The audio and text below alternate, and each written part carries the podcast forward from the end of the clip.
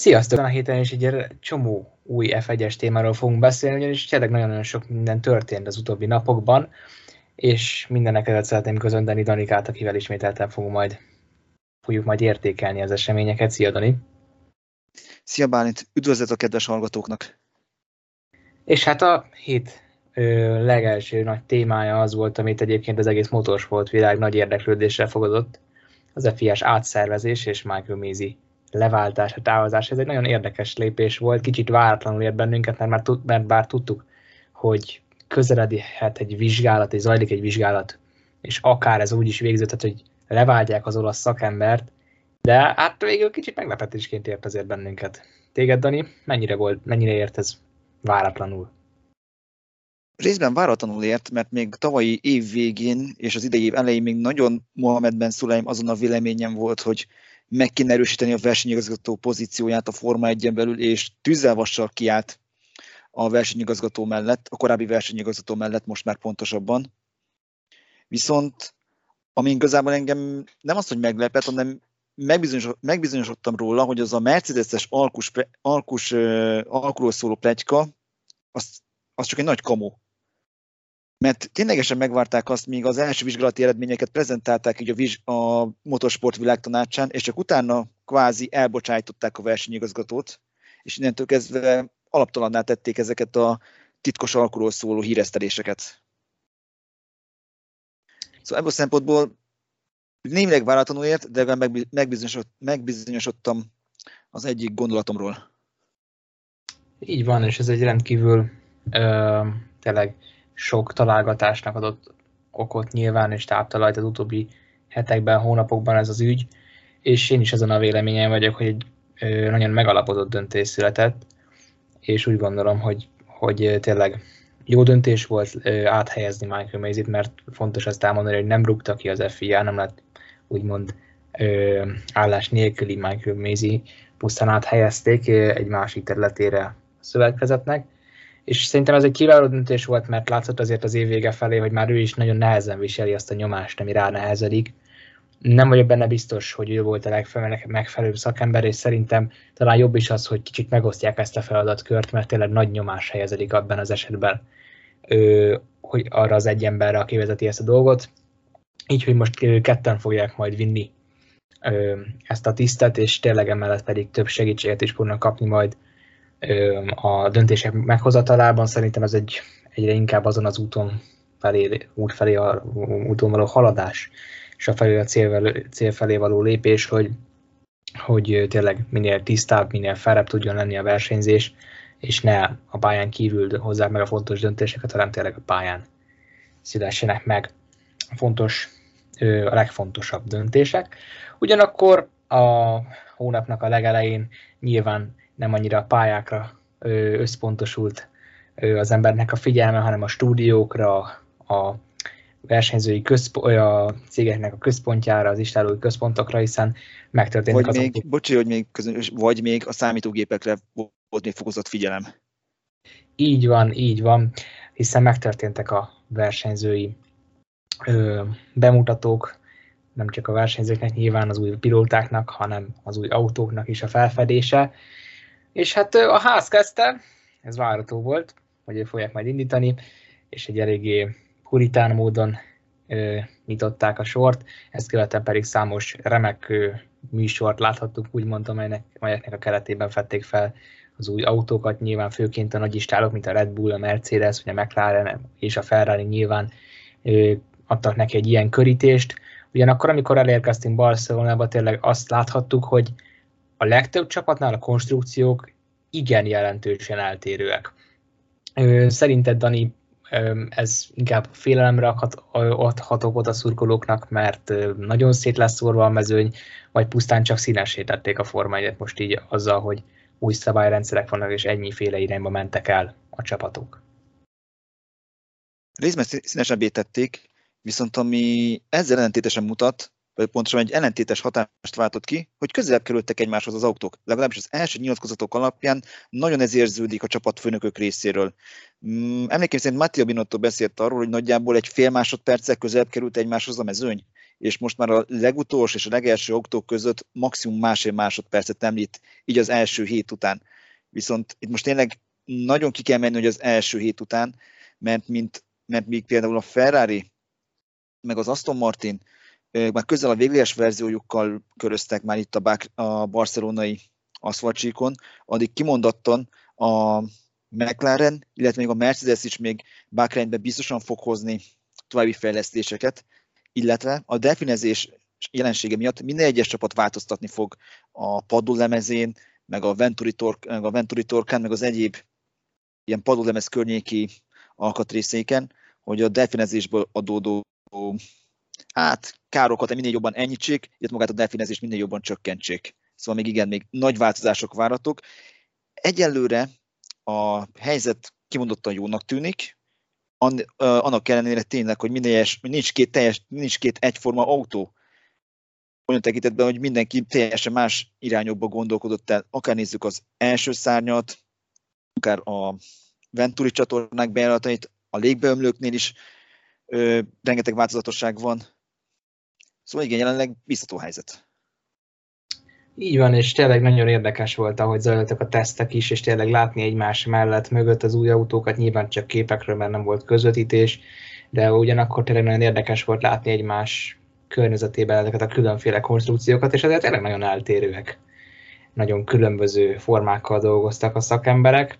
Én nagyon kíváncsi vagyok arra, hogy ki lesz úgymond előnyben, és említetted a delfinezési effektust, ugye nagyon érdekes ez, hogy így feljött, hogy tényleg szegény pilóták nagyon-nagyon sokat úgymond ugrálnak. Hát ez a... annyira új volt, hogy ez annyira úgy volt, hogy még én sem hallottam róla. Ezt így néztem így az első, az első kamerás felvételeket, még nem is a kamerás felvételek, hanem amikor az első napnak a összefoglalóját így olvastam, akkor vettem észre, hogy mind az Alfa Romeo, mind a ház így padólemez problémákkal szembesült, és így nem értettem, hogy a pályán van valami, vagy miért, miért, miért esik szét a padólemezeik. Nem egy szokványos terület, ami az autóban hogy az első tesztnapokon így tönkre megy, és utána így meghallottam a delfinezést, és láttam, hogy hogyan mozognak olyankor az autók, már egyből leesett a tantusz, hogy itt mi lehet. Hát így van, de viszont nagyon érdekes, hogy például ez a delfinezés és effektus talán leginkább a ferrari volt megfigyelhető a tesztek során, az egy, egyik legfőképpen náluk, és mégis több mint 400 kört teljesítettek szinte gond nélkül, az ő padlólemezük ez alapján elég jónak tűnik. Vagy valamennyire legalább minimálisan jobban gondoltak arra, hála Ronnie Byrne korábbi főtervezőnek, aki még valamennyire ott dolgozott még a 70-es, 80-as években már a ferrari hogy a gyerekek, körülbelül a 80-as évek elején ezzel néha napján szem, szembesültünk, gondoljatok erre is legalább egy picit. Lehet, hogy ő is csúgott nekik. Így van, abszolút.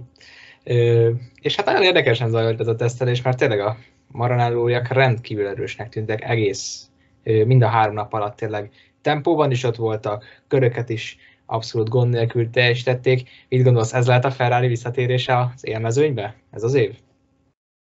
Hasonlóan csodálatos szép tesztidőszakokat láttam már korábban 2016-ban, 17-ben, 18-ban és 19-ben is, szóval én jelenleg megvárom még a Bahreint, sőt, ahogyan jó szokásom szíven, az első négy-öt versenyig nem igazán akarok erős sorrendet felállítani a csapatok között.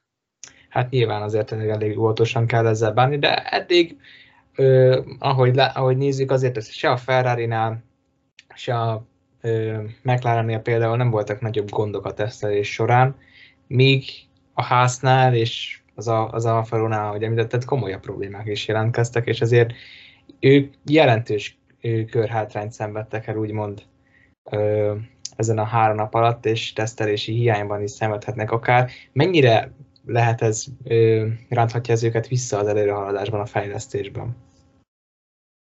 Az Alfa romeo mindenféleképpen ők teljesítették a legkevesebb, ki, legkevesebb kilométert, maximum olyan 700 kilométert futottak az elmúlt három nap alatt, össze, összehasonlításképpen az első ilyen lévő Ferrari közel 2100-at. Szóval egy olyan harmad annyi távol tudtak csak megtenni, innentől kezdve, csak, innentől kezdve harmadannyi alattuk van magáról az autóról. Ráadásul ők jóval többet változtattak így magán a, magán a filozófia elképzelésükön, az autó filozófiájukban, mivel már a ferrari már egyre kevesebb alkatrészt fognak vásárolni. A váltónak a külső vázat ők maguk alkották meg, láss csodát, innentől kezdve ez rögtön tönkre is ment az első bejáratáson, még uh, Fioránóban, még a tesztek megkezdése előtt. A házt is vissza tudja vetni, viszont őket azért annyira nem aggódok miattuk, mert náluk nem voltak olyan, nem volt se pilótaváltozás, akiknek meg kéne szokniuk valamennyi az új csapatot, meg az új működési rendet, illetve ugyanúgy továbbra is technikai partnerségben állnak a ferrari szóval onnan is jobban tudnak számítani segítségre. Szóval itt most én a nagyon az Alfa Romeo van az én célkeresztemben, aki nagyon könnyedén pórul járhat így az új éra első évében, jelen pillanatban. Így van, ez, ez abszolút hely, helytálló, és tényleg nagyon sokan mondták azt is, hogy a házsautó számukra sok technikai szakember mondta, aki a helyszínen tartózkodott, hogy számukra a házautója tűnik a legkidolgozottabbnak. És ezért ez eléggé jó hangzik megint csak, hogyha ennyi hely, helyszínen lévő szakember ezt mondja a konstrukcióról, mert nyilván bár kevés adatot szereztek, de azért úgymond eléggé kidolgozottan tudtak már érkezni Barcelonába, és nem csak egy B koncepcióval, úgymond egy bétával, ami még nincsen nagyon kidolgozva. Azért erre számítottunk, mert, hogy, mert Günther Steiner előre szólt hogy az autó, bemutat, az autó bemutató kapcsán, amikor közölték a rendelelt számítógépes képeket, hogy, hogy azok még csak egy ilyen kezdeti fázisát mutatják az autónak, majd Barcelonára jön egy nagyon átalakított versenyautó, ami viszont utána változatlan lesz egészen a második versenyig, a Jedi-ig, a Jedi nagy díjig. Mit szólsz ahhoz, és most tőled kérdezem, hogy Fernando Alonso ismét, flashback, ismét átért egy flashbacket, amikor ott állt a füstölgő Alpin mellett. Hát nagyon érdekes, mert ugye elmondták ő, már előre a francia mo, ő, alakulat motortervezői, megvezetői, hogy ők idén azt szeretnék, hogy a motorjuk erőben legyen ott, és még hogyha ez ö, megbízhatósági problémákat hoz is, amint ez bebizonyosodott, de ők ennek ö, úgymond ezt fel akarják áldozni, és mindenképpen a teljesítményre akarnak rámenni.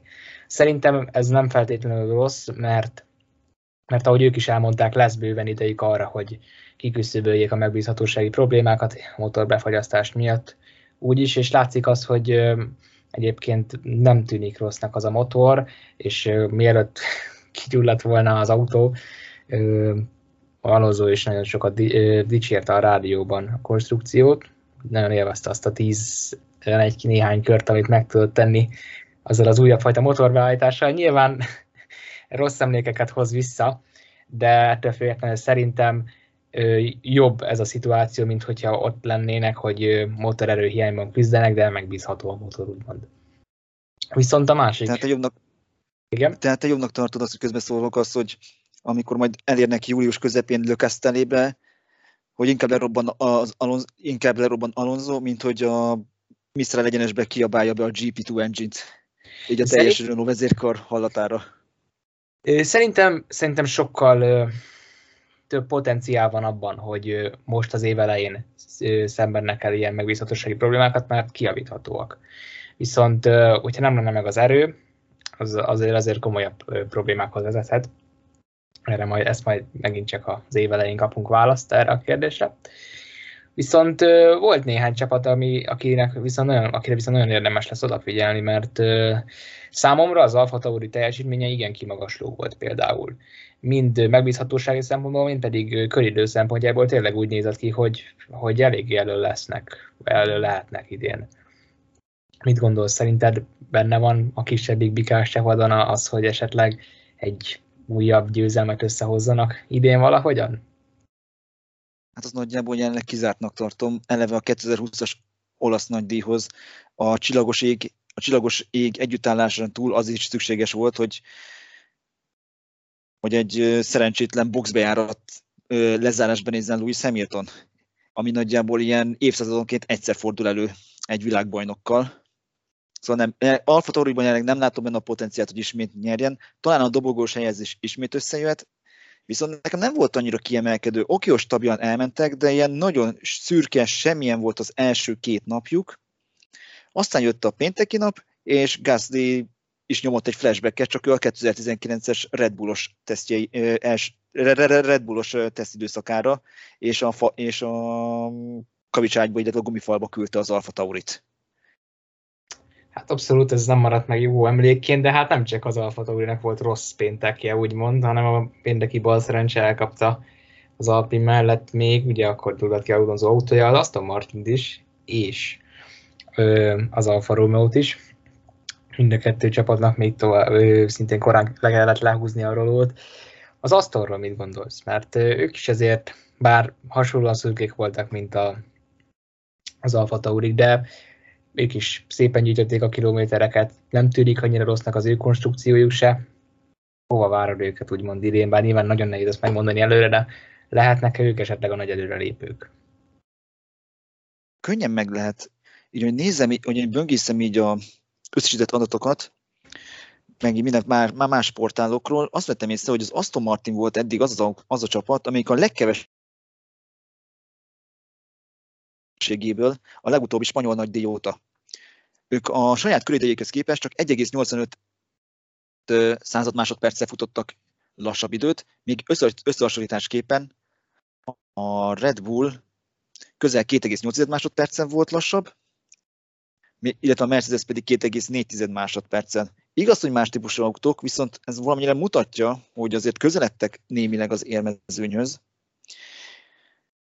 ez maga az Aston Martinhoz, mióta már meg volt az autó bemutatójuk, azóta nekem nagyon felcsigáztak, mert nekem, nekem is nagyon tetszett maga a konstrukció, meg az elgondolás, az, hogy kvázi így az első szárnyat így feláldozták, hogy az őt nekik csak ilyen kötelező elemként van ott, és ők igazából arra mentek rá, hogy mindent kisajtoljanak a padolemezből, illetve a Venturi csatornák adta a leszorító erőből. És ők is hova mehetnek? Hát talán az Alfa Tauri elé, de én a nagy négyeshez még nem tenném őket, az még valamit kéne bizonyítaniuk, bár hogyha Sebastian Vettel elszántsága legalább akkor lesz, mint amikor a autó, autója akkor ismét, előve, ismét elszette a tűzoltókészüléket, és ő maga kezdett el, ő maga kezdte el megmenteni az autót, akkor talán odaérhetnek. Akkor viszont az Aston, mellett, Aston Martin mellett még szeretnék még egy picit még bővebben beszélni, az még a Mercedes mert George Russell nagyon hamar felvette a ritmust. Viszont Lewis Hamilton nagyon sokáig nem találta se az összhangot a pályával, sem az autóval. Látványosan kezdett el többször is ott a négyes kanyarnál, meg az utolsó szektorban ellenfékezgetni magát. Mit gondolsz? Lehet, hogy most ugyanaz fog történni, mint 19-ben a Ferrari-nál, hogy az megérkező ifjú újonc elveri a többszörös világbajnokot? Szerintem ezt nagyon nehéz megmondani, főleg Hamilton esetében, aki ki nagyon szeret úgymond altatni. És látszott azért, hogy péntekre azért csak megtalálta a tempóját. Nekem is nagyon imponáló volt az, ahogy George Russell belevetette magát a munkába, és tényleg napról napra egyre többet és többet tudott előre lépni, nagyon jól érezte az autót, és én tőle egy abszolút pozitív évadra számítok. Szerintem ott lesz Hamilton környékén, viszont én személy szerint meglepődnék, hogyha meg tudná verni idén őt. És mit gondolsz arról, hogy Hamilton, ahogy elmondta Barcelonában az egyik sajtótájékoztatón, hogy ő nem csak a külvilággal, külvilággal szemben húzta le a redőnyt, és nem kommunikált senkivel két hónapon át, hanem a csapattal sem, illetve a csapatnak a központjába sem tette bele a lábát a téli időszakban, és semmennyire, semmennyire sem segítette a fejlesztési munkát. Ez azért már eléggé meglepő, és szerintem ö, valahol mondja, ez is valamit, és ez az idejében akár meghatározó is lehet tényleg az, hogy, hogy, hogy Russell tényleg már a kezdetektől fogva az idei szezonnál ott volt az autó felépítésénél, és talán még picikét jobban is összeszokhatott már a géppel, mire Barcelonába érkeztünk. Úgy gondolom, hogy, hogy tényleg ez nagyon meglepő, hogy Hamilton így kiszállt ennek az autónak a fejlesztéséből, hogyha ez tényleg így történt és, és tényleg most már kezd érződni azt, hogy nem véletlenül mondta azt, most már tényleg nem kamuból mondta azt Toto Wolff, hogy nem lesz csapat sorrend valószínűleg az idei szezonban, mert tényleg elérkeztünk egy olyan ponthoz, ahol már a Mercedesnek is nem egy második számú pilótára lesz szüksége Russell személyben, hanem egy jövőbeli vezetőre. És ezt akár, ennek a levét akár Louis Hamilton meg is írhatja idén. Viszont ha már pilótákról beszélünk, és változásokról, akkor mindenképpen szó kell ejteni a háznak a helyzetéről, ugyanis, mint azt ugye mindenki tudja, a napokban kitörő orosz-ukrán háború az f is megtette a hatását, úgymond, és csütörtökről péntekre a ház megvált főszponzorától az Uralkálitól, ezáltal pedig az autójukon lévő orosz lobogót is eltüntették, ugyanakkor nagyon kérdésesé vált Nikita Mazepin helye is az istállónál. Az orosz pilóta ugyanis egyrészt ö, apja révén ö, komoly és ö, erős ö, szálak fűzik őt a orosz katonai vezetéshez is, amert egy katonai akadémiáira is jár, de, de ő magában a helye is az istállónál az apja, édesapja az uralkári cégnek a tulajdonosa révén volt biztosított, és ez az, által, az ő által befektetett pénzen keresztül.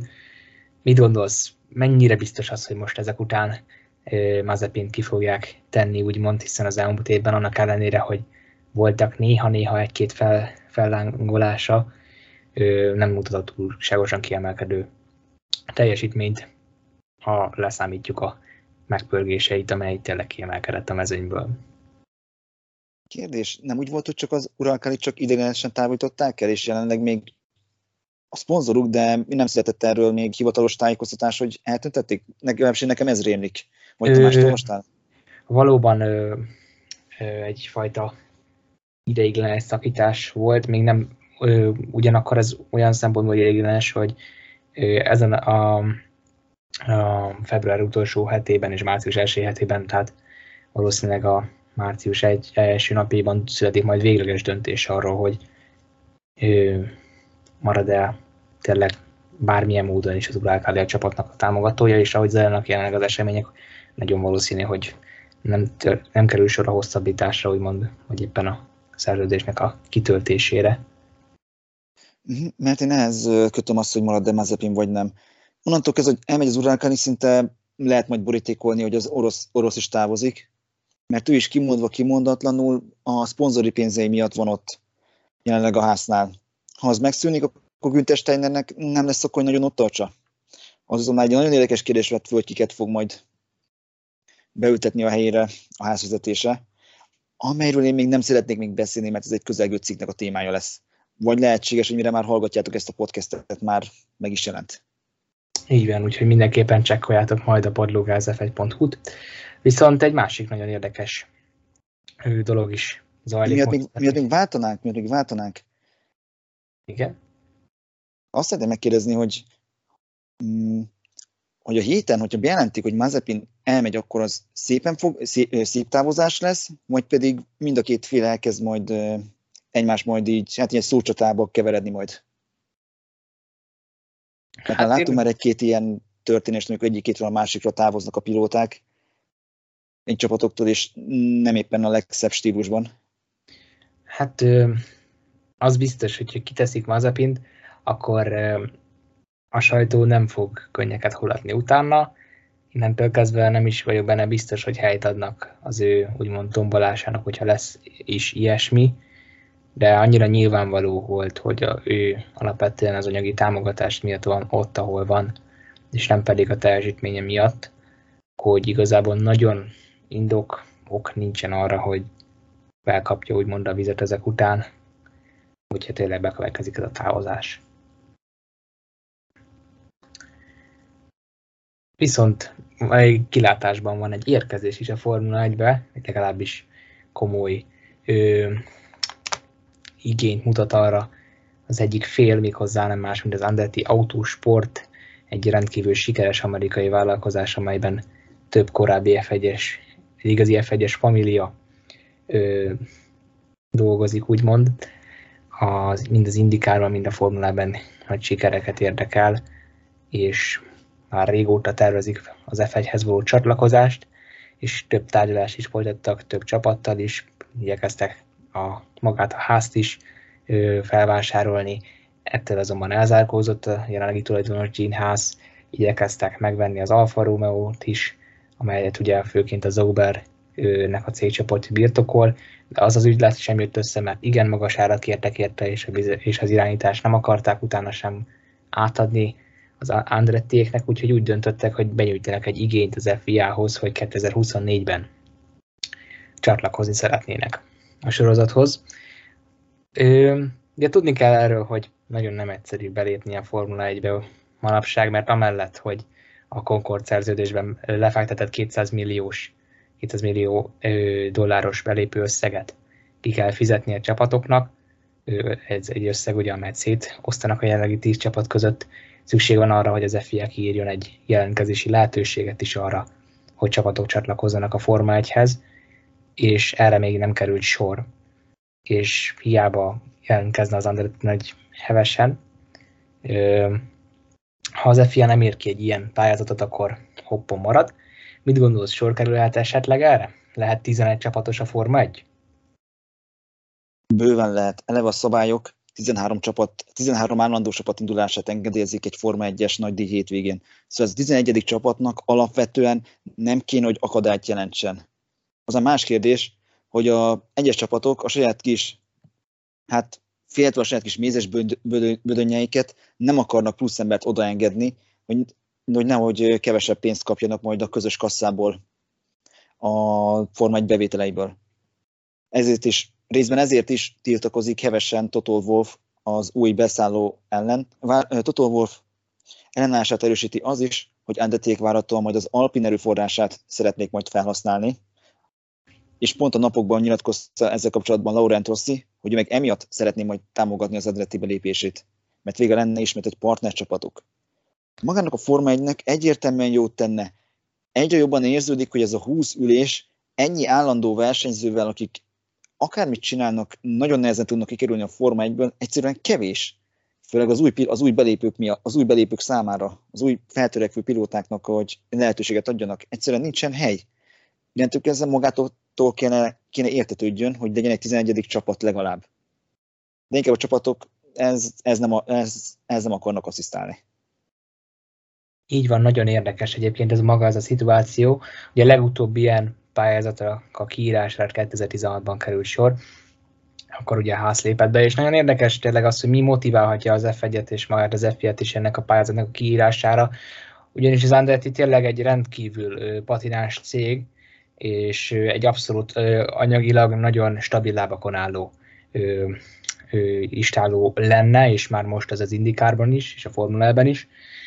És ami még nagyon fontos, és tényleg pont ezekben az években nagyon aktuális, ez az Amerika felé való nyitása a Forma 1-nek, és az Andretti pontosan egy legendás amerikai istáló, amely, amely tényleg még nagyobb piacot tudna úgymond lefedni a Forma 1 számára, és nem beszélve arról, hogy bejelentették, hogy ha sikerül a beszállás, akkor a jelenlegi talán legtehetségesebb amerikai pilótát, Colton Hertát szeretnék az F1-ben is szerepeltetni. Ez azért nagyon vonzó, attól függetlenül, hogy a csapatok tiltakoznak-e vagy sem, de tényleg a Forma 1 számára is, és tényleg az FIA számára is, hogy az amerikai piac felé még inkább tudjanak nyitni, és még nagyobb profitot tudjanak abból generálni. Még ne felejtsük ki, hogy hogy az Andretti belép, akkor vagy tényleg egy valódi ízig-vérig amerikai csapat lenne, nem csak a ház, amelyik félig angolnak, meg félig még valamennyire még orosznak is számít a szponzori háttér miatt.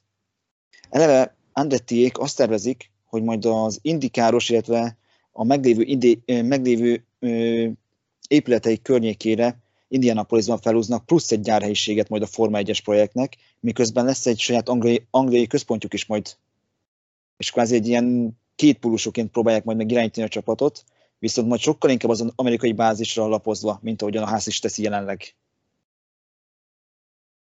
Így van, így van.